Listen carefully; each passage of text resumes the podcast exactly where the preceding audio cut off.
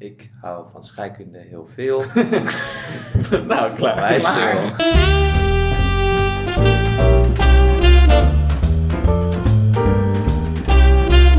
Welkom bij de vierde aflevering van de Uitvinders.xyz. Uh, we zitten hier met Sietse.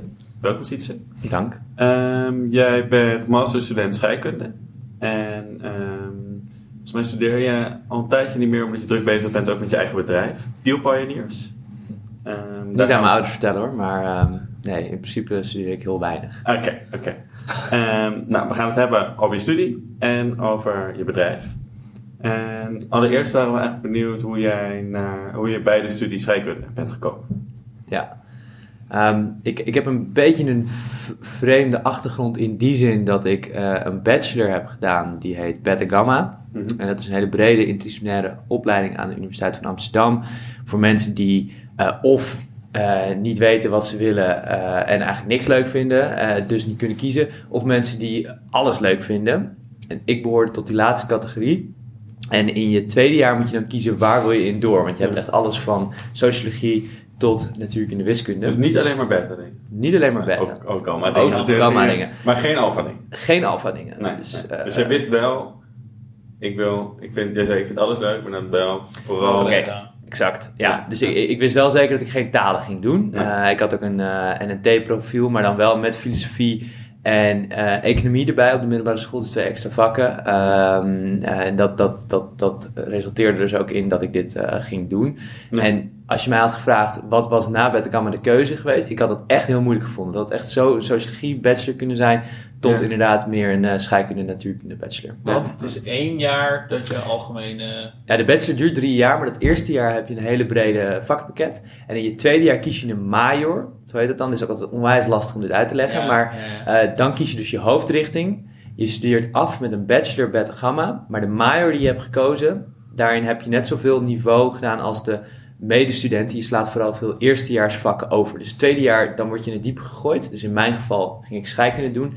En kwam ik bij tweedejaars scheikundige in colleges. En het enige is, ik heb minder keuzevakken scheikunde kunnen doen. Dus ik heb me Ja. minder breed kunnen binnen de scheikunde kunnen eh, opleiden. Maar ik kon gewoon de master chemistry eh, gaan doen. En dat ben ik dus ook gaan Ja. Dus je hebt niet al op de middelbare school het gevoel gehad... wow, ik wil scheikunde studeren. Nee, maar in retrospect had ik wel altijd al zo waanzinnig om om te weten van de, van de gekke scheikundige of zo. Dus iets in mij had wel dat dat, dat dat een soort ding was wat ik wel wilde gaan doen. Het was tastbaarder dan natuurkunde. En wiskunde vind ik ook te, eh, te, veel, eh, te veel abstract. Ik vind dit mooi omdat je het om je heen kan zien. Dus het past wel bij, in, achter, in hindsight past het wel goed bij eh, wie ik ben en, eh, en, en wat ik leuk vind. Ja. Maar je hebt dus eigenlijk, voordat je de keuze maakt om scheikunde te studeren, Mhm. best wel een goed beeld gekregen van wat het was. Omdat je in het eerste jaar beta gamma als scheikundevak hebt gedaan, neem ik aan. Ja, en ik kon het ook heel goed relateren aan, ehm, aan, aan de manier van wetenschap bedrijven in een niet-beta-omgeving.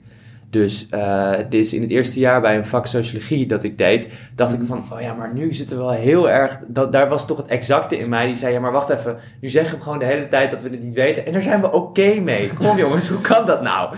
Ik wil nu gewoon weten, is het, is het, eh, is het eh, A of B?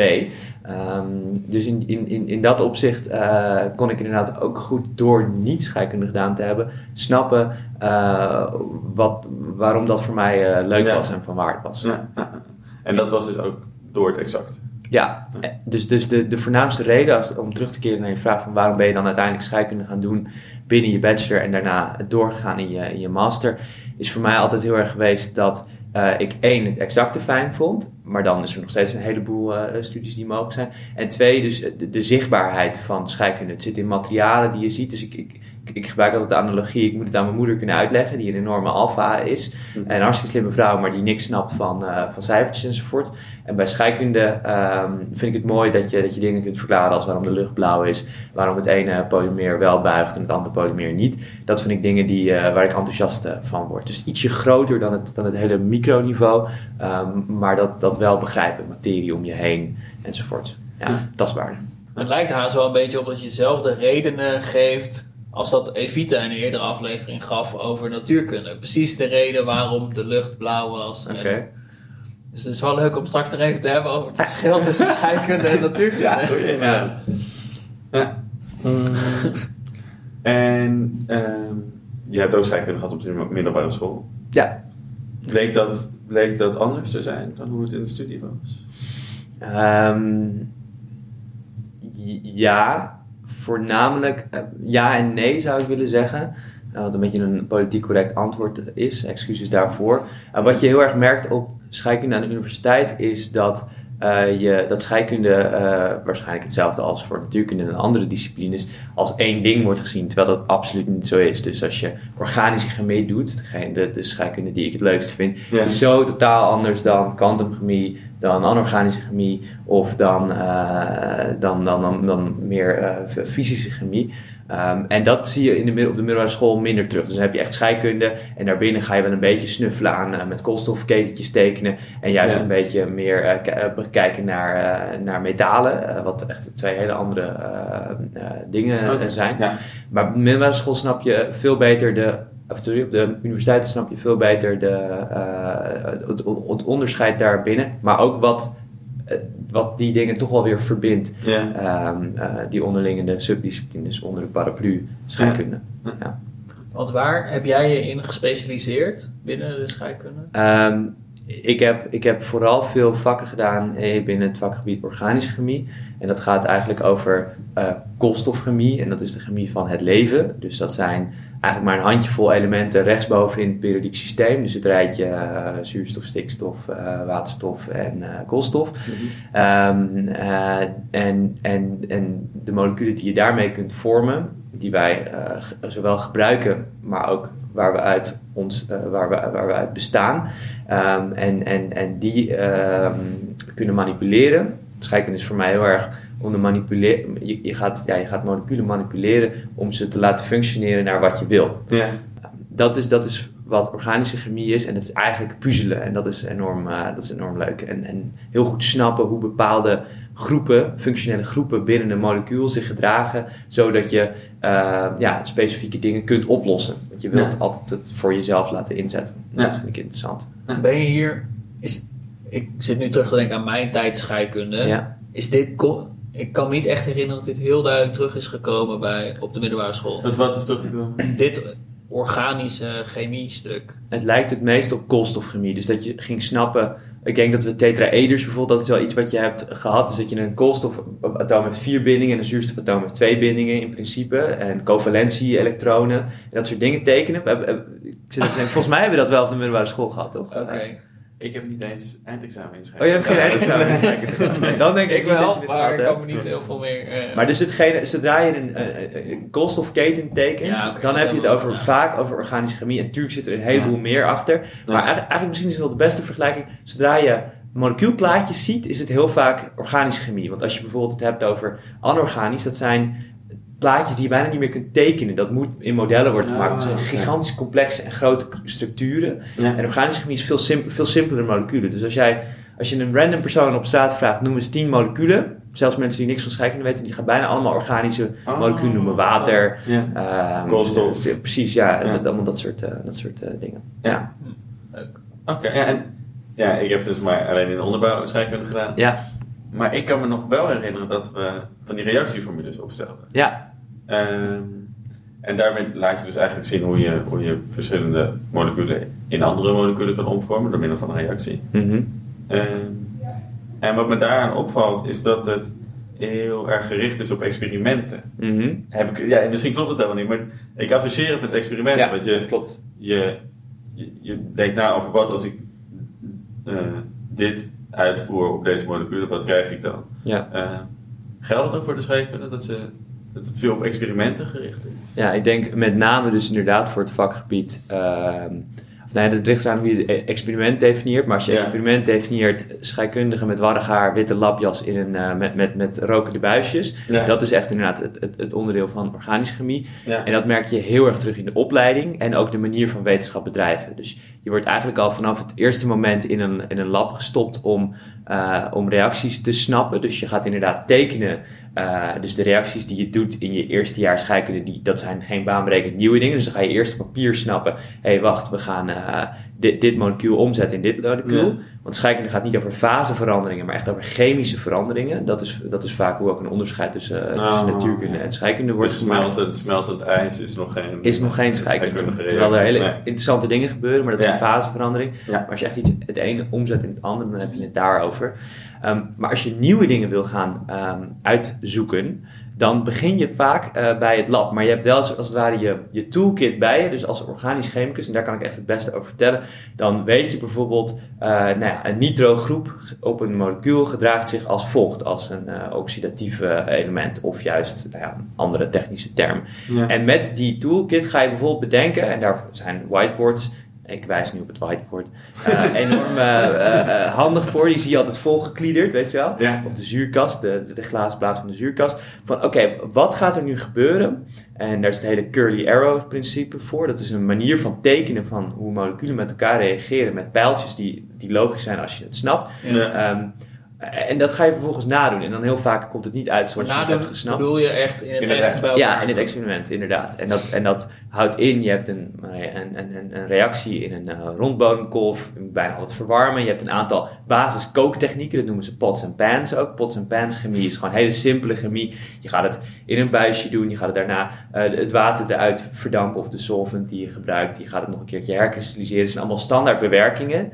Ja. die je bij wijze van spreken moet zien als snijden, eh, in de oven zetten ehm, en eh, flamberen. Ja. Eh, om het maar eventjes eh, in de analogie van de keukenchemie te doen.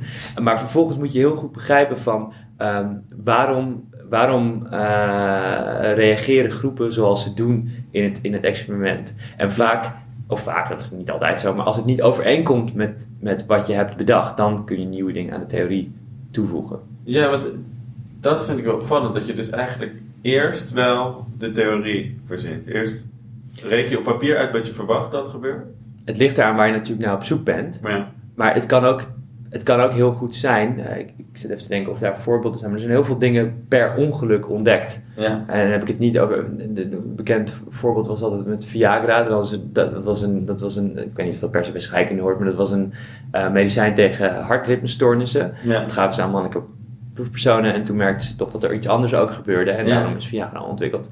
Ehm, zo zijn er wel meer voorbeelden. Ik heb ze niet direct, maar dat je een bepaalde reactie doet. Wij spreken twee dingen bij elkaar. Wat gebeurt er? Ja. En dan achteraf redeneren waarom gebeurt er wat er Ja. gebeurt. Maar wat je nu ziet in de onderzoeksgroep aan het Science Park bijvoorbeeld, die zijn heel erg gericht op zoek naar we zoeken een katalysator voor ehm, het verminderen van de CO2-uitstoot bij auto's. Nou, dan ga je heel goed nadenken hoe kunnen we uit die uitlaatgassen mix de CO2 binden. Dus dan ga je wel echt eerst met je basiskennis ehm, aan de gang, maar al heel snel ga je naar het lab. Dus ga- dus eerst maak je een klein model, maar die modellen zijn misschien een, een beetje Dat is gewoon onzeker. om, om een hypothese te maken. Ja, het inderdaad ja. hypothese. Ja, ja. Ja, we verwachten dat de reactie tussen A en B C wordt. En als het C minus wordt, dan moeten we denken: oké, maar ligt, hoe, hoe kunnen we de procesomstandigheden zo veranderen ja. dat het eh, daar wordt? ja. Ehm, en wat dat een hele andere tak van de chemie is, is de analy- analytische chemie. Dus dat, dat, dat- dat- er zijn heel veel voorbeelden van, maar een voorbeeld van hoe je dat terugziet is bijvoorbeeld eh dopinggebruik. Je hebt, een, je hebt een sample en je wil meten wat zit er in dat sample. Dat is heel vaak heel belangrijk. Als Ja. je een plasstaal van iemand hebt, dan moet je op ppm's, dus parts per million, kunnen meten of er een bepaald molecuul in zit die vaak nog heel erg lijkt op andere moleculen. ja. Ehm, dat is heel erg experimenteel gedreven. Dus dan moet je heel goed die technieken snappen. Gaschromatografie, eh, high pressure liquid chromatography. Allemaal manieren om samples te analyseren. En daarvan zou ik willen zeggen dat dat bijna 100% experimenteel is. Ja, omdat het misschien gewoon efficiënter is om wanneer we te proberen en kijken of je het vindt, dan te proberen het- de theorie zorg te doorgronden en dan te voorspellen hoe je dat Ja, doet. en bij die dingen zijn misschien ook wel de theorieën haast uitontwikkeld. Dus je moet het zien als het principe van een gaschromatograaf. Dat is echt een fantastisch in- interessant apparaat. Dat is Ja. uitontwikkeld. Maar dat is een, om, om te meten hoeveel moleculen er in je samples Ja, dus zowel kwantiteit als kwaliteit, inderdaad. Dus welk type en hoeveelheid. En ook nog eens, er zit nog veel meer achter, dus Ja. wat, wat voor specifieke groepen je kunt meten. Ehm, maar je moet je voorstellen, dat is gewoon een apparaat. Dat, daar verandert niet zo heel veel mee. Elk jaar komt er nog een nieuwe editie uit. Ehm, maar wat, wat, wat, wat de kunst van analytisch chemicus is, die moet wel snappen: oh, maar wacht even, als ik op zoek ben naar deze groep moleculen in mijn gaschromatograaf, dan moet ik weten wat voor kolom ik moet gebruiken, welke instelling ik moet inzetten en welke Ja. interne standaard ik moet Ja, gebruiken. Maar het is niet meer zo dat die de, de graschromatograaf elke keer opnieuw hoeft uit te zoeken of uit te vinden. Hij kan daarmee aan de gang en, en, eh, en meten wat, eh, wat hij wil meten. Ja.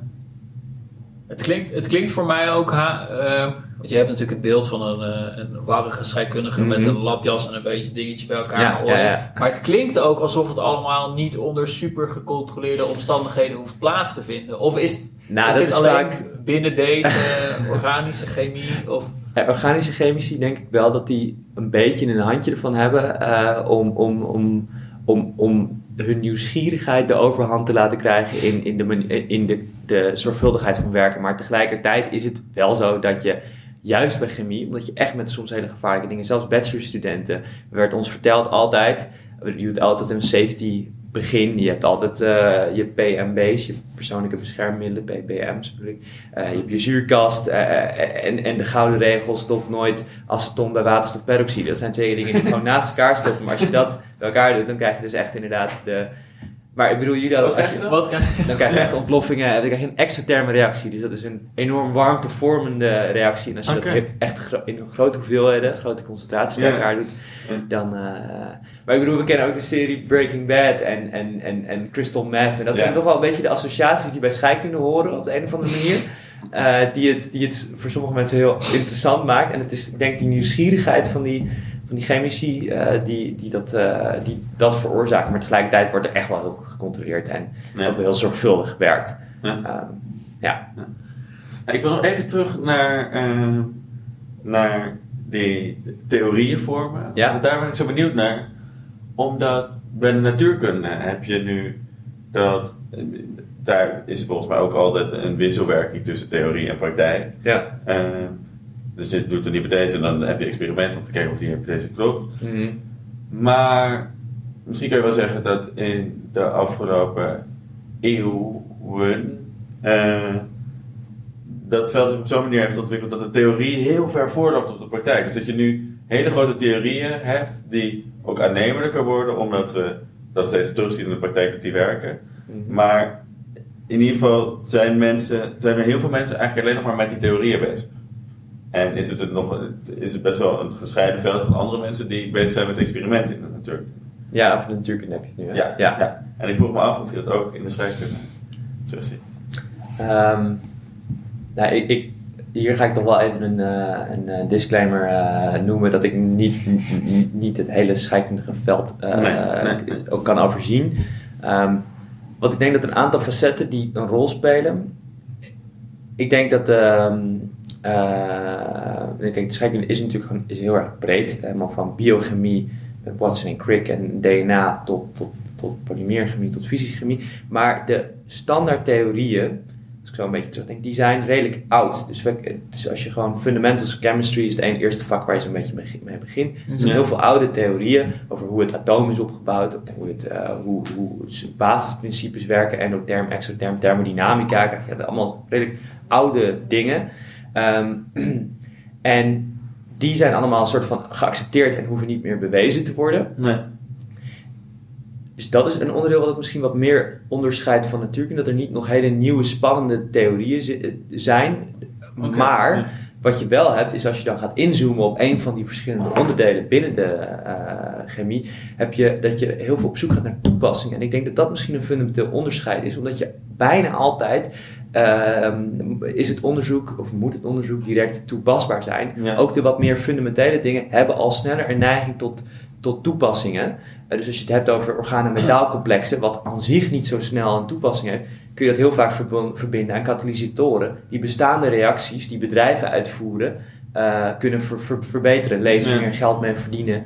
eh, want dat is vaak een, een drijver om, om onderzoek te doen. En ik denk, maar ik ken de natuurkunde daar minder genoeg goed voor, dat dus onderzoek aan de, aan de edge of chemistry, om maar zo te zeggen, Ja. dat, dat dat sneller een toepassing kan vinden en daardoor wat minder op theorieën bouwen zit Mhm. dan de andere velden binnen de beta eh, Oké. wetenschappen. Maar je zegt dus eigenlijk dat de reden dat de scheikunde misschien meer door eh, ook toepassingen gedreven wordt, is omdat het makkelijker toepasbaar is. Ik denk dat dat voor een heleboel onderdelen van scheikunde geldt, niet voor alle. Nee, nee, nee. nee. Oké. Ja. Ja, dat is wel. En nou, daarover over mijn hele gelimiteerde kennis van, uh, van scheikunde Ja, weet ik dat je een periodiek systeem hebt met verschillende elementen. zeker. De bekende tabel achter Ja, de bekende- boek. Ja, precies. Je, je lifesaver bij elk examen. Ja, ja, ja. ja. Ehm, en dan over nieuwe ontdekkingen en fundamenteel onderzoek. Eh, volgens mij gebeurt het dat er wel eens nieuwe elementen ontdekt worden. Eh, Klopt dat? Ja, maar dan moet je eigenlijk meer in de verleden tijd spreken. Dus Ja. ik, volgens mij, voor zover ik weet, is, zijn, gaan ze er nu vanuit dat ze de meeste elementen wel hebben gevonden.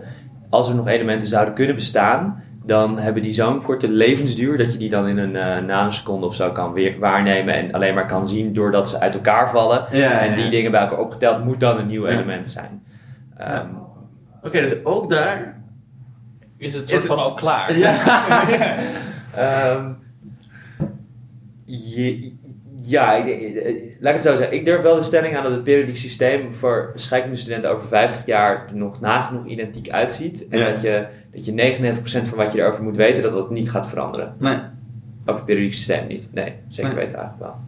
Dus, Ja. En scheikunde in het algemeen? Ehm, ik, eh, ik, ik denk dat het ook niet superveel gaat veranderen. Nee. Zeker niet de basis, maar dat, dat zal ook wel waarschijnlijk wel gelden voor de andere disciplines. Eh, maar dan kom ik opnieuw bij de. Er gaan wel, en dan heb je het ook misschien over uitdagingen die nog komen, enorme nieuwe eh, toepassingsgebieden zijn. Waarbinnen we echt wel degelijk wel eh, verbeteringen kunnen zien. Maar dat zijn echt misschien meer, hoe noem je dat, incrementele verbeteringen dan echt disruptieve Ja. dingen. Want wat zijn dan nu op dit moment de ultieme scheikundige challenges? Want die liggen dus niet in het ontdekken van nieuwe elementen of zo. Maar Misschien niet eens in fundamenteel onderzoek. Dus. Nee, al denk ik wel dat fundamenteel onderzoek vaak nodig is. En dat uiteindelijk dat het, dat het een soort lead time heeft. Dat als je eerst fundamenteel onderzoek doet naar een veld waarvan we nog niet zo goed begrijpen wat het uiteindelijk kan. Mhm. Dat dat toch wel heel veel kan sparken. Van oh, wacht, maar dan kun je koppelen dit aan dat enzovoort. Ehm, ik, ik, ik, ik, ik- huidige uitdagingen eh, naar dingen die ik interessant vind. Dus die, die meer bij, ik, ik, ik kan niet zo goed overzien waar het hele veld direct Mhm. voor eh, staat. Er is volgens mij niet een soort heilige graal. Ehm, maar eh, de, de uitdaging van hoe kunnen we, ehm, dan kom ik weer aan een toepassing. Plastic is het meest gebruikte materiaal wat we, wat we hebben, maar we gaan tegen een eindigheid aanlopen van eh, grondstoffen. Het waren chemici die het uiteindelijk ontwikkeld hebben tot de, tot de onwijs ele- eh, elegante oplossing die we nu hebben, de manier van produceren. Maar we moeten naar het produceren van plastic. het produceren van plastic en het molecuul aan zich. Het is echt een Ja. prachtig molecuul. Het staat nog wel Ja. vaak in negatief daglicht. Ja. En dat komt doordat we het niet recyclen en dat dat heel moeilijk is. Ja. Maar als je kijkt naar alle verschillende soorten plastics en Mhm. wat je daarmee kan en hoe geavanceerd we daar nu mee bezig zijn, dat is eigenlijk Ja. echt best wel bewonderenswaardig. Ja, Kan je Ja. iets zeggen over, want eh, waarschijnlijk is het heel logisch, maar ik kan er even nu niet op komen waarom plastic zo fijn materiaal is. Ehm, Maar het zit inderdaad in eh, bijna alles wat we, wat we gebruiken. Nou, ik denk dat dat al de reden is, maar wat zijn dan Ja, maar waarom de... dan? Ja, precies. Ja. Dus het is extreem eh, vervormbaar. Je kunt het extreem dun maken. Je kunt het transparant maken. Je kunt het op grote schaal maken. Ehm, je kunt het heel erg reproduceerbaar maken. Dus alle natuurdingen, die hebben vaak één van deze eigenschappen. Ze zijn heel hard, zoals diamant of zo. Ja. eh, die in boren worden gebruikt. Maar dan is het weer niet vervormbaar of als een soort folie. Ja. Dus plastic is ook een heel groot ding. Van inderdaad van folies tot PE, wat keihard is en eh, gebruikt kan worden in stalen neuzen van schoenen, bij wijze van spreken. Ja. Ehm, maar dus die combinatie van, van weer de manipuleerbaarheid van, oké, je hebt plastic bestaat uit polymeerketens. En door te, slim te spelen met hoe je die polymeerketens inricht, dus verschillende monomeereenheden, dat moet je zien als de Ja. van de ketting, of de verschillende zijgroepen, eh, kun je ervoor zorgen dat het wel of niet spelt bij bepaalde temperaturen, ehm, eh, wel of niet vervormbaar is, eh, wel of niet zelfs geleidbaar kan zijn. Er zijn zelfs plastics die dat, die dat kunnen hebben. Dus je kunt, ehm, het is een enorm divers, diverse groep Ja. moleculen ehm, die we heel goed kunnen toepassen. Ja, ja, duidelijk. Dat zijn denk ik de onderliggende redenen. Alleen nu is de uitdaging. De uitdaging is om dat te produceren uit, met dezelfde eigenschappen, dus zonder verlies aan, aan je performance Ja. en je specs Ja. eh, vanuit renewable, eh, renewable sources. Dus uit bio, eh, biomassa is dan vaak de, de gedachte, of uit CO2. Dat is trouwens nog wel een grote CO2-chemie. Dus we stoten heel veel CO2 uit. Ja. Tegelijkertijd zit in heel veel dingen die we gebruiken eh, zit koolstof en vaak ook zuurstof. Dus Ja. hoe kunnen we nou uit die... ehm, in Nederland zijn we heel erg ver met ICS, dat is eh, of, eh? CCS, Carbon Capt- Capture and Storage. Dus Ja. dan gaan we bij, op de Maasvlakte bij de, bij, de, bij de fabrieken die CO2 uitstoten, dat vangen en dat terugstoppen in de grond. Ehm, wat, nou ja, dat zou je kunnen brengen, dat is goed. Je zou het ook kunnen brengen als wat ontzettend zonde. Als je dat dan molecuul dan hebt, waarom gaan we daar dan niet chemie mee doen? Mhm. Ja. Maar daar zijn we nog niet zo ver mee. Dus hoe kunnen we dat gas eh, nou gaan omzetten in, eh, in, in interessante dingen? Dus scheikunde gaat een grote rol, of een de grote challenges van scheikunde liggen op het duur, vooral duurzaamheid. Ja, En het duurzaam maken van de dingen die zij eerder Eerst- hebben ontdekt en waar we inmiddels verslaafd aan zijn geraakt. Precies, nee, maar daar, daar sta je wel eens bij op zijn kop. Ja. Ja.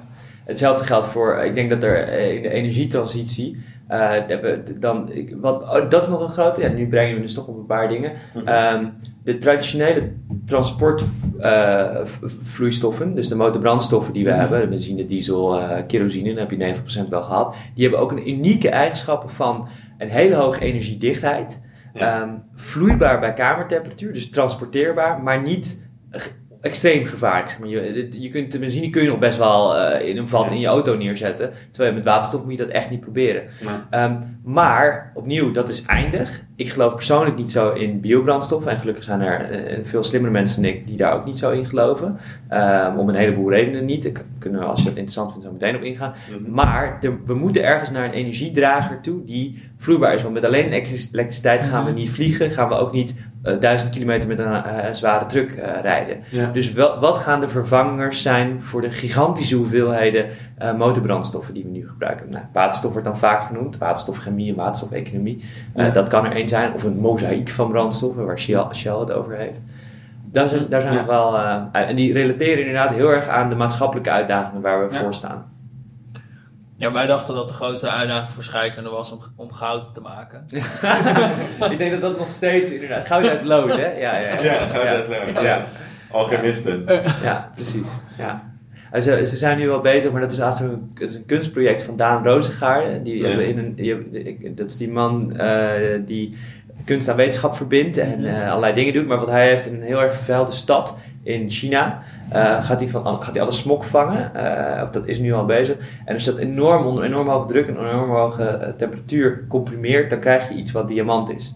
Want in feite is grafiet iets wat, iets wat diamant, diamant, is. in principe dia- diamant is. Het is alleen niet zo helder en mooi als wij diamant kennen. Ah, oké. Maar chemisch gezien zou je het als de, diamant kunnen Ah, definiëren. Want in feite is ehm, grafiet, het spul wat in je potlood zit, Ja. is alleen maar koolstof. Ehm, en diamant is ook alleen maar koolstof. Dus zou je kunnen afvragen, huh, maar dat is niet hetzelfde. Want de laatste keer dat ik een potloodje kocht, betaalde ik toch niet zoveel als de diamanten Nee. eh, ring voor mijn vriendin. Maar dat is doordat grafiet is op een andere manier georiënteerd dan. eh, dus dat is niet. Dat is, eh, diamant is tetraedisch en, en, en, en grafiet is op een andere manier ge- georiënteerd. Eh, maar het is wel dezelfde, alleen maar hetzelfde atoom. Dus dat, dat vind ik nou heel interessant. Aan de verschijningsvorm is dus anders, terwijl het hetzelfde Ja. als, als basis heeft. Ja. Nou goed, hij is bezig met het kunstproject om dus proberen te laten zien, goh, dit soort materie kun je dus weer omzetten aan iets waar we, wat we heel veel waarde toekennen, namelijk diamant. Ja. Ja. Dat is wel een mooi bruggetje om door te gaan naar scheikunde in de praktijk, lijkt Ja. mij. Want we hebben het nu al wel een beetje aangeraakt. Ja. Wij hadden heel, heel hard nagedacht over hoe je scheikunde nou in de praktijk terugziet. Maar we kregen toch een beetje het idee dat het vaak verwerkt zit, soort van in andere producten. Maar brandstof is nu al wel een hele goede. Dat is natuurlijk puur scheikunde, Ja. bijna. Ehm, ja, maar kun je eens een paar dingen zeggen hoe je het nou echt om je heen ziet? Papier, bijvoorbeeld. Van hout naar papier. Ja. Iets wat we gebruiken. Eh, Het krachtproces bestaat al heel lang. Scandinavische landen zijn er goed in. Hm. In eh, Arnhem hebben we een grote papierfabriek staan. En dat is, en dat is, eh, dus hoe ga je cellulose in dit geval onttrekken aan hout? Dat is ook een heel chemisch proces. Ja. Ehm, als je verf, dus coatings en verf, daar zijn we in Nederland natuurlijk goed in, traditioneel met de Axel Nobel. Ja. Als je dan wat meer naar de, de fundamentele chemie kant gaat, of de Mhm. specialty, je hebt, je hebt een aantal verschillende soorten specialty chemicals. Dat zijn vaak lagere oplagen en moeilijker te maken chemische eh, routes. Dus heb je wel 20 stappen. Dus moet je je voorstellen 20 potjes en pannetjes. Terwijl Ja. verf is wat eenvoudiger vaak. Ja. Ehm, dan hebben we DSM als bedrijf die heel veel eh, toevoegingsmiddelen maakt om vlees houdbaar te maken. Zijn dat specialty chemicals? Dat kunnen specialty chemicals zijn. Ja. Dus, ehm, en dan daar nog boven heb je pharma. Eh, dus dat is, Oh, ja. dat is vaak het aller, allermoeilijkste te maken. Dan heb je syntheseroutes die duizenden euro's per, eh, per kilo, eh, bij wijze van spreken, kunnen kosten. En daarom zijn dat soort chem- che- chemicaliën ook zo duur, de, eind, de eindproducten. Ja. Ja. Maar er zit dan een soort wisselwerking tussen de, tussen de medische wetenschap en de scheikundige wetenschap. Ja, dus dat ik denk medici weten van oké, we willen dit molecuul, we denken dat het werkt. ja. Dan gaan kijken hoe je dat Ja. kan synthetiseren. Ja. Ja, want je hebt gewoon uiteindelijk heb je maar een given aantal eh, operations die je kan uitvoeren. Dus we weten heel goed, oké, als je naar ringstructuren moet, dan ga je bijvoorbeeld, nou je wil niet met benzeen beginnen, omdat het onwijs kankerverwekkend is. Al zijn er nog steeds ook in Nederland veel fabrieken die op benzeen draaien. Maar dus hoe, hoe ga je nou, je wil een bepaalde structuur hebben, bijvoorbeeld vitamine C, ascorbinezuur. Eh nou, dat kun je in principe winnen, maar je kunt het ook maken. Eh, hetzelfde geldt voor, ehm wat is dat ding dat iedereen ook weer eet als je pijn hebt. Paracetamol. Paracetamol, inderdaad. Eh, Eten. ik dat niet. hele, hele Dat kun je ook winnen, maar je kunt het ook maken. Dat wordt bijna alleen maar gesynthetiseerd. En dat, die route die bestaat al 100 jaar, maar er zijn wel heel veel verschillende paden naar paracetamol. En wat dan een van de dingen is die je leert. eh, vroeger maakten ze het zo, zeven stappen. En daar zie je ook weer in. eh, maar toen gingen een paar mensen er echt over nadenken. En toen werden het drie stappen Ja. bij milde condities. Dus niet bij 120 graden en bij eh, 80 bar, maar gewoon kamertemperatuur atmosferische druk. Lees een veel minder heftige fabriek die je hoeft neer te zetten. En Ja. lees minder kosten, maar Ja. ook milieuwinst enzovoorts. Ja. Dus hoe zie je het om je terug? Ja, echt, echt op heel veel plekken LCD-schermen, liquid crystal displays. En ook, nou, er zit ook scheikunde als, als basis eh, Ja. aan. V- kleren verven, eh dat is echt enorm veel. En soms, ja, het ligt er ook aan hoe je het dan definieert, maar als je het een beetje breed pakt, dan, dan valt er heel erg veel onder. Maar ik ben toch wel een beetje benieuwd naar dat paracetamol. Ja, je zegt, je kunt het, het is een stof die in planten voorkomt of zo, geloof ik. Ja. Ga, praat maar door, dan zoek ik het ondertussen uit. Maar je, je kunt het dus ook maken. Maar wat, wat, wat pak je dan als grondstof Ja, om paracetamol of vitamine C te maken? Heb je dan een blikje met koolstofatomen? die je dan- En hoe... hoe eh, Nee, een goede vraag. Dus, dus di- dit, is, dit is dan de structuurformule. Dus je ziet nu een structuurformule. Dit zijn de dingen. Ja. Ze laat nu een plaatje zien van Wikipedia paracetamol. paracetamol. Inderdaad, voor de kijkers thuis, eh, je, kunt het, eh, je kunt het opzoeken. ja. Eh, nou, dit is, dit is een alcoholgroep, dit is een carbonylgroep, er zit een, stikstofatoom aan en je hebt een, je hebt een geconjugeerd systeem met een ring. Nou, dat zijn allemaal Dat is een technische rondje, termen. want, Een rondje, inderdaad. Ja, precies. Ehm, dus waar begin je mee? Ehm, als je in een chemische fabriek komt, eigenlijk hoe moeilijker het molecuul, en dit is niet een heel moeilijk molecuul, met eh, hoe grotere dingen je al begint. Dus je begint nooit met op atomen. Eh, je begint eigenlijk altijd met, met moleculen. Dus je hebt een bepaald reagens. En dat kan een eh aceton zijn of een bepaalde reactieve groep. Die, die, die gebruik je. Ehm, en je wil eigenlijk in zo min mogelijk stappen die tegen elkaar aanplakken. En wat Ja. vaak het lastige is, soms denk je, stel je hebt deze zaagje precies door midden, dat is niet hoe het werkt. Dus je bedoelt En het rechterstuk van het plaatje, zaag je eraf? Bij spreken. Ja. Dus dat je begint met, eh, als het een keten is van A, B, begin je met een A en je begint met een B en die plak je eraan. Maar heel vaak lukt dat niet, dus moet je met verschillende reagentia werken. En wat dan de truc is, is om te zorgen dat als je één reagentia of één, één functionele groep, zo noem je het vaak, op je molecuul hebt geplakt, denk je, hè, dat gedeelte af en dan begin je met een, nieuw, begin met een nieuwe stap, dat die er vervolgens weer afvalt, omdat dat ding wat je erop hebt geplakt reactiever is dan hetgeen wat je wil laten reageren. Dus Ja. wat. De, de, de, eh, dus hoe begin je? Je begint vaak met, met, met al met moleculen die soms bijna af zijn. En toch moet je nog heel veel stappen doen. Omdat je dan bijvoorbeeld een beschermgroep erop moet zetten. Dus je moet dat zien als Ja. iets wat die functionele en reactieve groep. Die vaak eh, wil je juist de reactieve groep, omdat dit moet iets doen in je lijf. Dus je moet, het moet ergens een reactie aangaan. Als het super inert is, zoals, een, eh, zoals de, de, de, de, eh, de, eh, eh, hoe weer? De, de meest rechte groep van het periodiek systeem zijn de edelgassen, zeg ik dat nou goed? Ehm, dat zijn hele inerte moleculen, Ja. eh, die reageren helemaal niet, dus daar kun je niks mee. Ehm, dus dat zijn eh, de argon en eh, neon en nog een aantal andere. Ja. Ehm, maar je wil juist reactief, reactieve groepen en die moet je dan afschermen, zodat, ehm, zodat ze niet verder reageren. Ja. Als je nog niet klaar bent met je Ja, eh, Dus het is echt een soort van puzzel om dingen aan elkaar te pakken. Er valt weer iets vanaf en dan moet je weer iets anders erop zetten. En- Ja. Ja. ja. En wat dus grappig is, je hebt dus maar, waar ik net mee begon, maar toen ging ik uitweiden, een soort basisarsenaal aan zowel bewerkingsstappen, dus dat is het verwarmen, het roeren enzovoort, als uitgangsstoffen. Ja. En die, je hebt een soort Albert Heijn voor chemicaliën, die heet Sigma Aldrich. Eh, dat kent elke chemicus en daar kun je dat soort dingen kopen. En Ja. dan krijg je het in drums of in grote pakketten krijg je het in je fabriek. En dan doe je het in die pots en pans. En als je dan weet wat je doet, eh, maar dat soort trajecten duren jaren voordat je van labschaal naar pilotschaal naar, Ja. naar fabriek kan gaan, dan krijg je uiteindelijk je gewenste uitga- uitgangsproduct.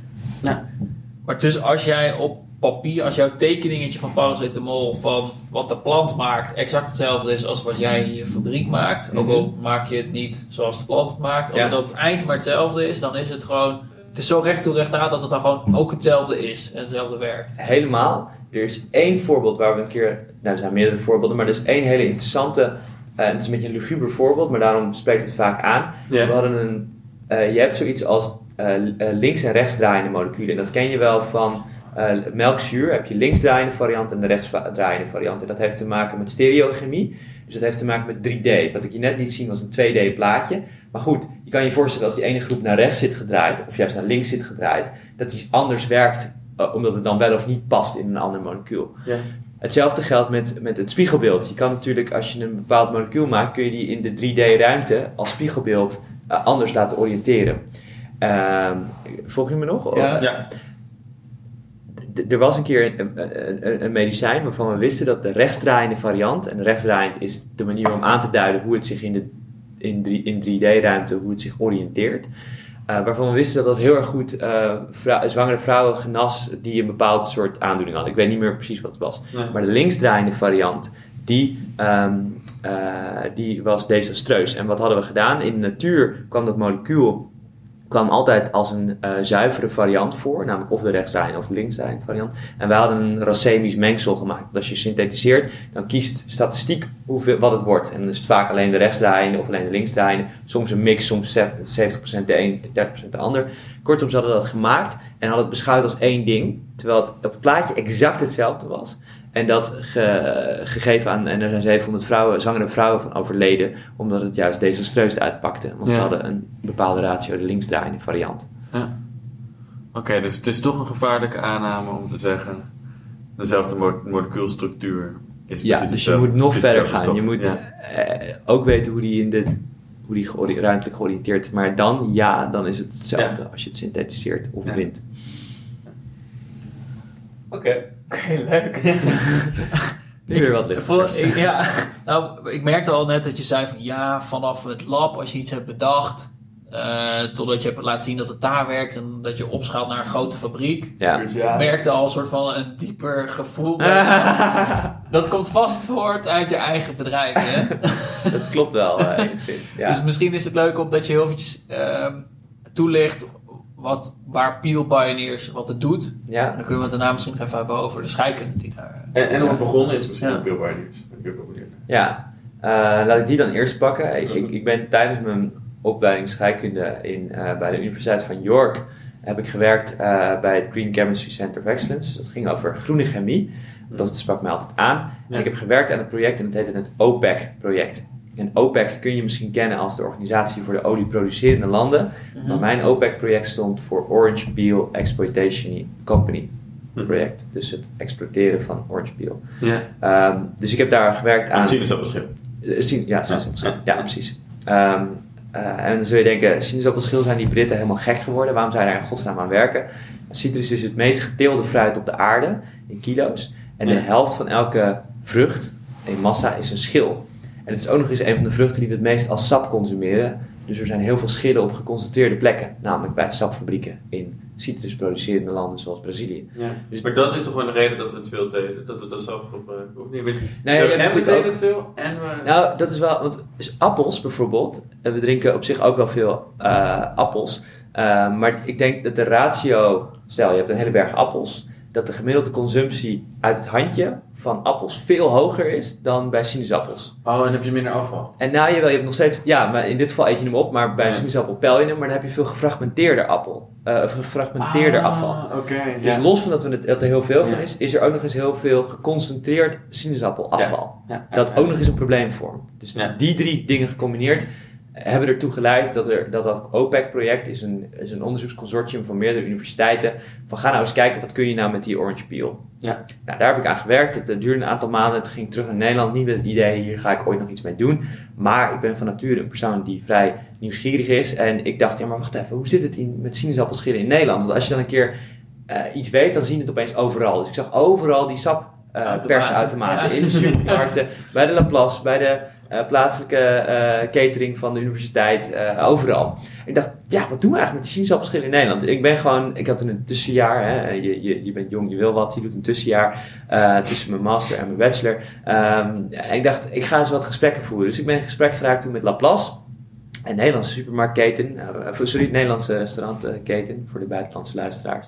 Ehm, die, eh, die, Nederlands. Voor de Belgische luisteraar. ja, voor de, voor de Vlaamse sprekende Belgische luisteraar. Ehm, die 40.000 kilo schillen per week weggooide en daarvoor betaalde. Dus aan de ene kant heb je de, het gegeven dat er in Nederland bedrijven zijn die geld betalen om een monostroom van sinaasappelschillen af te laten voeren. Mhm. En aan de andere kant van de oceaan verdienen we geld met schillen, zelfs meer geld dan met het sap. Dat, Dat, dat is... dat is in dit de geval. andere kant van zo. Daarmee bedoel ik Brazilië en warmere, Oké, ja, warmere ja, ja, orde. ja. Voornamelijk Brazilië. Want zij gebruiken de schillen al. Ja. Oké. ja, zij wel op een hele andere manier, eh, maar eh, zij doen er al wel iets mee. De co-products van een citrusvrucht. Oké.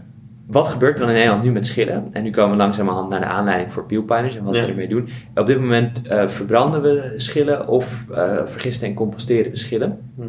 En dat zijn alle drie oplossingen die niet echt ideaal zijn. Want een Alle schil, drie? Ja, composteren, verbranden oké. of vergisten. ja, ja.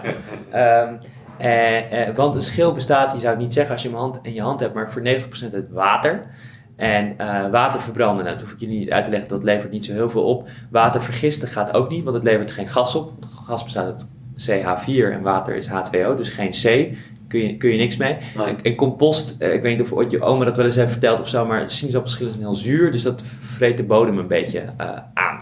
Ja. Kortom, Ja. die oplossingen zijn allemaal niet ideaal. En we betalen er geld voor om het wel daar naartoe te, te drukken. Ja. Terwijl in die overige 10 tot 20 procent van de massa van schil zitten heel erg waardevolle grondstoffen. Dus Peelpiners heeft altijd ten doel gehad en nog steeds om de citrusschillen die in Nederland vrijkomen maximaal te verwaarden. Eh, dus dat betekent de grondstoffen die er nog in zitten eruit te halen en beschikbaar te maken Mhm. ehm, eh, aan, aan bedrijven. Ja. Daarmee zitten we vrij vroeg in de keten, want moleculen die wij maken zijn bijvoorbeeld etherische olie. Dat is een eh, geur- en smaakstof dat een onderdeel kan zijn van een frisdrank of een chocoladereep of een zuivelproduct. En dat smaakt naar sinaasappel? Dat smaakt en ruikt inderdaad naar sinaasappel. Dus je kunt denken aan Fanta of sinaasappelchocolade of Alm of sinaasappeltoetje.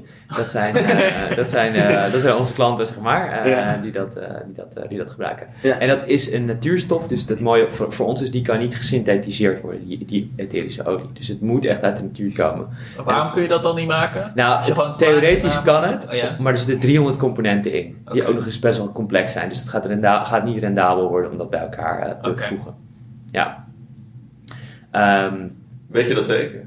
ja, dat weet ik vrij Maar dat dacht dus over paracetamol. Ja, maar dat is 7%. één component die ook nog eens kleiner is. Ja, dat zijn oké, 300 oké. componenten. Dus daar, Ja. daar maak ik me nu op dit moment Nee, niet zo heel veel zorgen over. Ehm, dus eh, sinaasappelelie is een product dat Peel Pioneers eh, maakt. En eh, we maken een vezelrijke pulp. Die kan toegepast worden als, als vervanging voor cellulose in het papier. Of als diervoeding. Dat is iets minder, iets minder een chemische toepassing.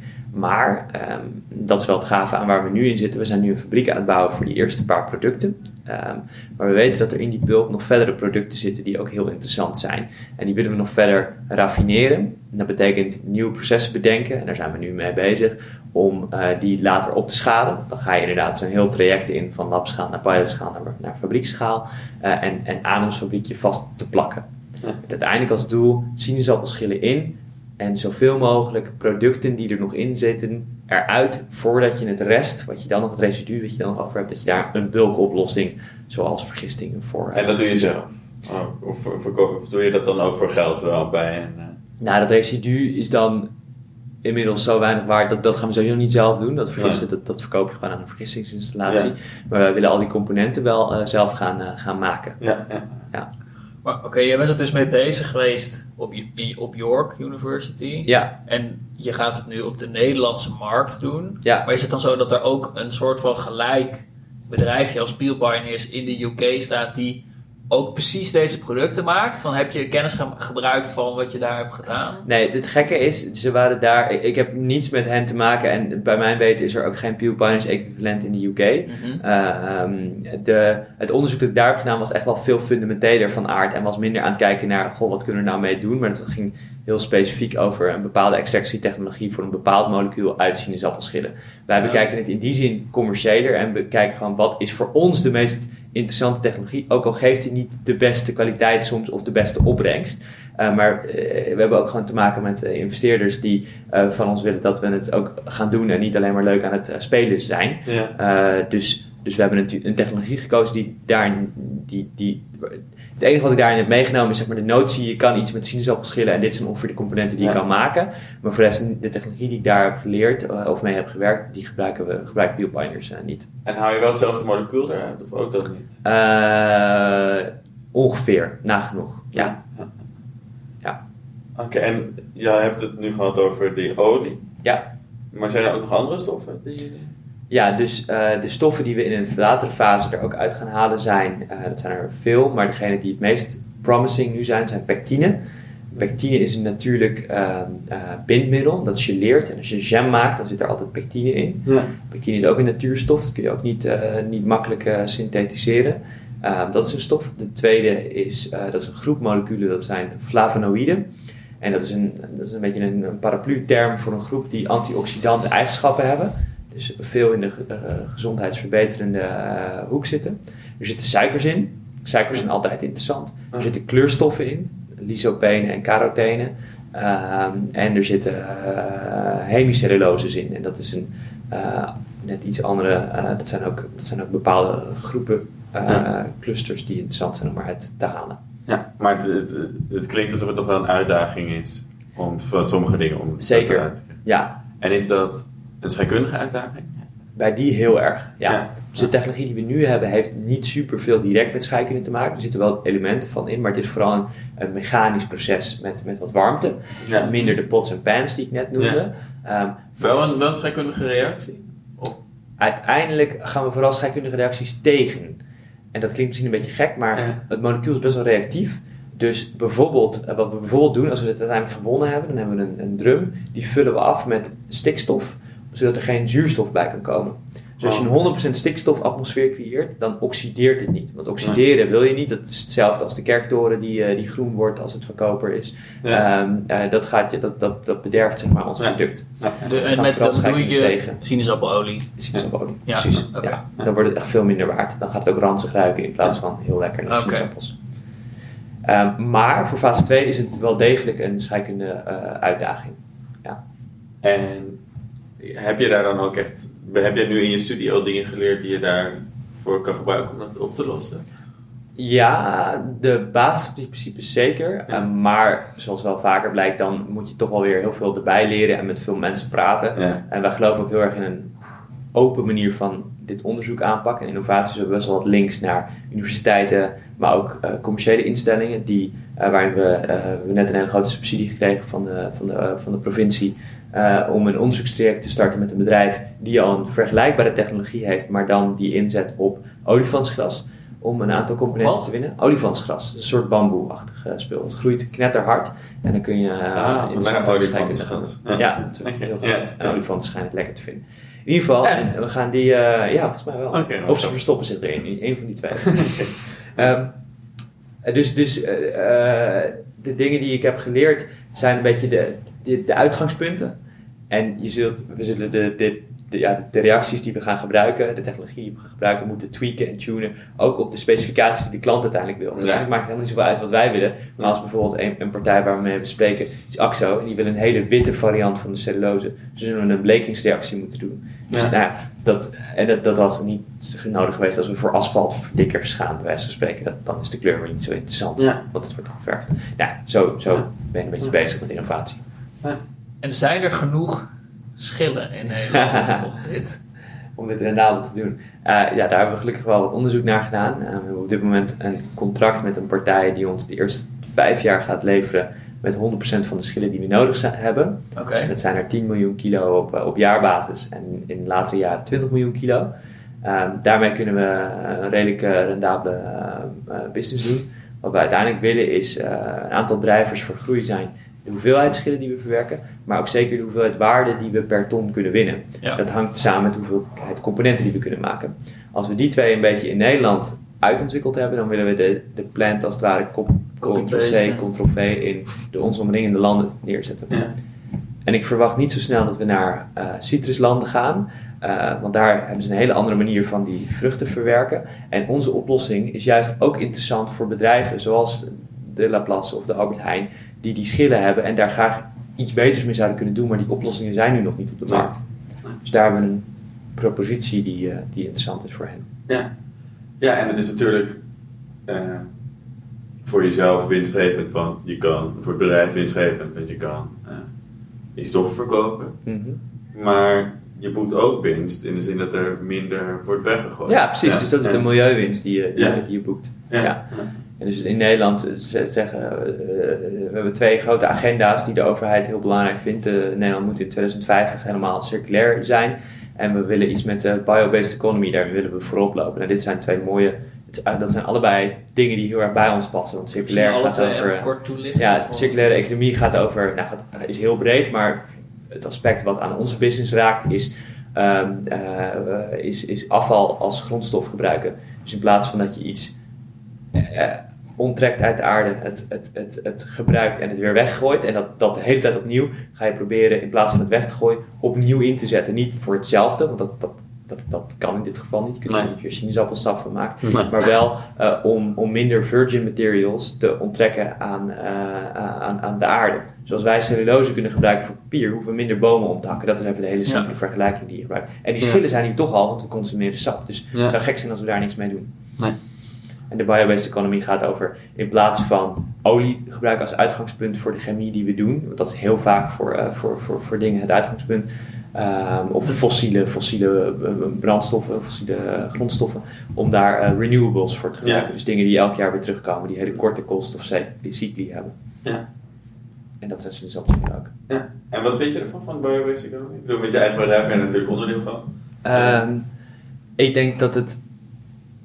Ik, ik vrees, als je me echt ten diepste. Ik denk dat we technologisch heel ver kunnen komen, maar ik denk niet dat we ehm, voor specifiek de twee onderdelen materialen, dus plastics en, en, en eh, brandstoffen, dat we daarmee ooit eh, ehm, op gelijke voet gaan komen met wat we nu kunnen uit, uit fossiele brandstoffen. Met één kanttekening, dat zou wel kunnen, maar voor een, niet voor de, de huidige hoeveelheid mensen in combinatie met de verwachte groei van de welvaart. Ja. Dus ik denk dat we moeten gaan inleveren op eh, de, ja, de, de gemaks, ja, dus de consumptie, ja, dus de kwantiteit, maar ook misschien zelfs wel de kwaliteit. Dus dat je minder fijne plastics krijgt om mee te werken en dergelijke. Oh, ja. Maar misschien is dat voor, voor sommige toepassingen ook prima. Dat denk ik ook. Maar bijvoorbeeld één heel groot dilemma wat je hebt, en daarom benoemde ik het net voor de. Voor het- misschien dat wij in het Westen, noemen het even zo te noemen, dat wel kunnen. Maar ehm, wat je hebt is. Bio-based economy gaat over biomassa. Je hebt twee, grofweg twee soorten biomassa. Je hebt eetbare biomassa en niet eetbare biomassa. Dus mais en hout, om maar wat te noemen. Ja. Ehm, als je eetbare biomassa gaat inzetten om er eh, gebruiksartikelen van te maken, betekent dat dat je voedsel aan het gebruiken bent eh, om niet mensen mee te voeden, maar om er eh, bijvoorbeeld je auto op te laten rijden. Ja. En dat heeft ethisch gezien behoorlijk wat vraagtekens, omdat er ook nog steeds mensen te weinig voedsel Ja. krijgen. Ja. Dus als wij in onze dikke Dodge Ram op biobrandstof rijden, dan heeft er misschien iemand anders onvoldoende te eten. Ja. Ehm, gelukkig zijn sinaasappelschillen dus de, de niet eetbare eh, variant van, eh, van biomassa. Dus daarmee kunnen we een eind komen. Maar daar is simpelweg niet voldoende van om de gigantische hoeveelheid eh, materialen die we verbruiken elk jaar, om die, om die aan te vullen. Dus Ja. er moet sowieso een combinatie van oplossingen. Eén, veel beter hergebruiken, minder Ja. gebruiken Ja. en, en alternatieve bronnen voor productie. Ja. En circulaire economie? Ehm, What what about it?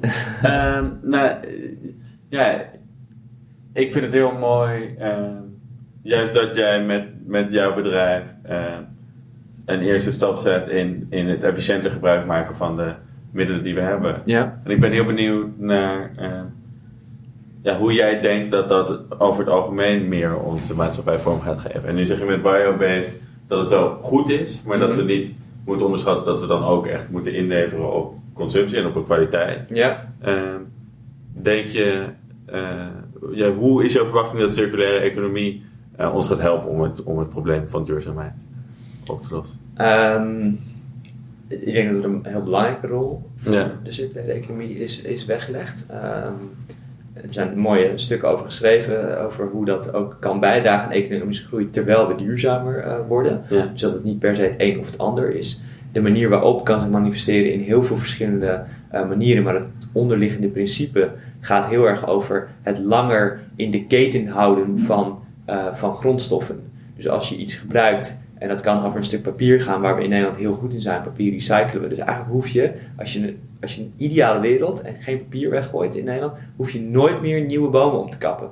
Ehm, nou, met papier... Als je al je papier gewoon recycelt. Ja, dan, dan in feite zijn de grondstoffen weer geschikt voor nieuw papier. En dat gaat natuurlijk nooit 100% sluitend zijn, dat realiseer ik me ook, want er gaat, ergens gaat, lekt de keten als het ware. Ja. Maar in theorie, laten we even een model simuleren waarin eh, wij met z'n drie in deze kamer een micromaatschappij eh, beginnen met eh 10 kilo papier als uitgangspunt. Dat schrijven we vol met slimme formules en slimme interviews. En dan recyclen we dat volledig, dan kunnen we weer daarmee opnieuw beginnen. Ja. Tenzij je het daar aan het eind van de dag uit het raam tieft, dan moeten we het weer, eh, dan moeten we bomen uit, ommaken in, in het land hiernaast. Ja. Dat is waar we mee bezig zijn. Ja. Ehm, eh, de- dus dat is even het, het- een, een voorbeeld waarin we al heel ver zijn. Er zijn ook heel veel voorbeelden waar we niet ver zijn. Bijvoorbeeld plastic recycling, dat is ook rete moeilijk om dat goed te doen. Dus dat, dat gaat heel erg over ja, het, het, het in stand houden van kringlopen. Ja. Ehm, vaak ook op kleinere schaal. Want we leven nu in een enorm centraal ingerichte wereld. We hebben zeven, zeven eh, plekken in Nederland die goed zijn voor 35% van de energieproductie bijvoorbeeld. We hebben één plant op de wereld die maakt alle, ehm, eh, alle autobanden bij wijze van spreken. Dat is eh, aan de ene kant heel logisch, want economies of scale en dergelijke. Maar dat past minder goed in de circulaire economie. Want hoe gaat die plant die in Thailand staat nou ooit zijn autobanden recyclen? Ja, precies. Ja. Dus dan ga je veel meer naar een decentraal eh, Oh, model. interessant. En dat doen we met energie natuurlijk ook. Met veel meer eh, off-the-grid zonnepanelen en windmolens en lokale warmtepompen en dergelijke. Dus dat zijn wel trends die ik zie. En de vraag is maar zeer of we daar hard genoeg mee gaan natuurlijk. Ja. Maar ik ben van nature een positief persoon. Dus eh, eh, ik hoop dat we dat eh, wel Ja. kunnen verwezenlijken. Ja, Op zich is het wel een mooi rond puntje Mhm. om eh, het hierbij te laten. Rond vanwege circulair. Ja, en rond vanwege dat, dat het leuke is dat scheikunde dus een soort van hele duurzame, heel duurzaam tintje heeft eigenlijk. Dat veel van het huidige werk wat er wordt gedaan toch wel in het teken staat van recyclen en eh, plastics eh, beter benutten of Ja. hergebruiken.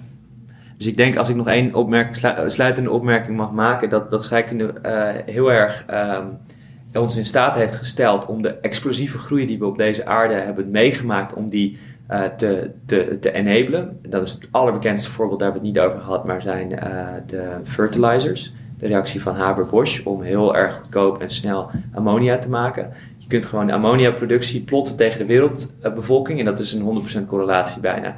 Dus de hoeveelheid Dat wordt gebruikt voor eh ja, dus de kunstmest om meer productie per eh, landhoeveelheid te, te krijgen. Ja. Daarnaast dus in, in plastics en in brandstoffen. Maar dat waren allemaal, en toen realiseerden we dat ons ook nog onvoldoende, dingen die eh, uiteindelijk eindig zijn. En nu denk ik dat we die dezelfde technieken en slimmigheden kunnen gaan gebruiken om, eh, om dat juist op een meer verantwoorde, voor de aarde en voor onszelf uiteindelijk ook verantwoordere wijze te gaan doen. Want scheikunde aan zich is dus niet slecht, maar het heeft heel lang wel, eh, is, is het een, een veroorzaker geweest van redelijk wat eh, ellende eh, ook, ook wel. zeg maar. Ja, ja. En ik denk dat dat nu ehm, hopelijk, en ik merk het ook wel aan studiegenoten, zijn veel mensen die als drijver hebben, ik wil het inzetten voor duur- duurzame doeleinden. Er is opeens een, een duurzame master ook bijgekomen sinds twee jaar op DUVA. Dus dat zijn wel Ja. tekenen aan de wand dat ook die wetenschap heel erg richting de duurzaamheid eh, gaat. Omdat de markt en de mensen er gewoon om vragen. Ah, leuk. Dus dat is bemoedigend. Ja, Sietse zeker. en eh, luisteraars natuurlijk weer bedankt voor deze het luisteren en voor meedoen aan deze aflevering. We hebben nog één dingetje, want normaal vragen we altijd of... Een, jij bent een student voor scheikunde. Ja, En we gaan ook nog weer een professional interviewen. ja. Ehm, dus we waren benieuwd of jij ook nog een vraag hebt aan die professional over dit vakgebied. Nou, ik heb er wel een en dat is eigenlijk geïnspireerd op een vraag die jullie ook hebben gesteld. Dus ik weet niet of die dan dubbel is, maar ik ga het nu toch gewoon zeggen. Ja. Waar ik wel benieuwd naar ben, is wat, ehm, want ik kwam er zelf niet zo goed uit, merkte ik, wat de professional, eh, dus dat is een, een vraag die je in twee dingen kan splitsen. Wat zijn de uitdagingen van de scheikunde in de toekomst, maar ook wat is de uitdaging van, eh, van, van, van het onderdeel van de scheikunde waar de professional in, eh, in werkt voor de, Ja. voor de toekomst. Dus hoe gaat, en en dan misschien nog specifieker op, op, eh, ge- geënt op duurzaamheid. Ja. Dus hoe eh, eh, werk je eh, richting een duurzame inzet van je scheikunde in je dagelijks werk? Oké, dankjewel. Mocht u nog meer willen weten over de uitvinders, ga dan naar onze website www.deuitvinders.xyz. En uh, Tietje bedankt, Jan bedankt en Even tot de zo volgende bedankt. keer. Tot de volgende keer. was leuk. Yo.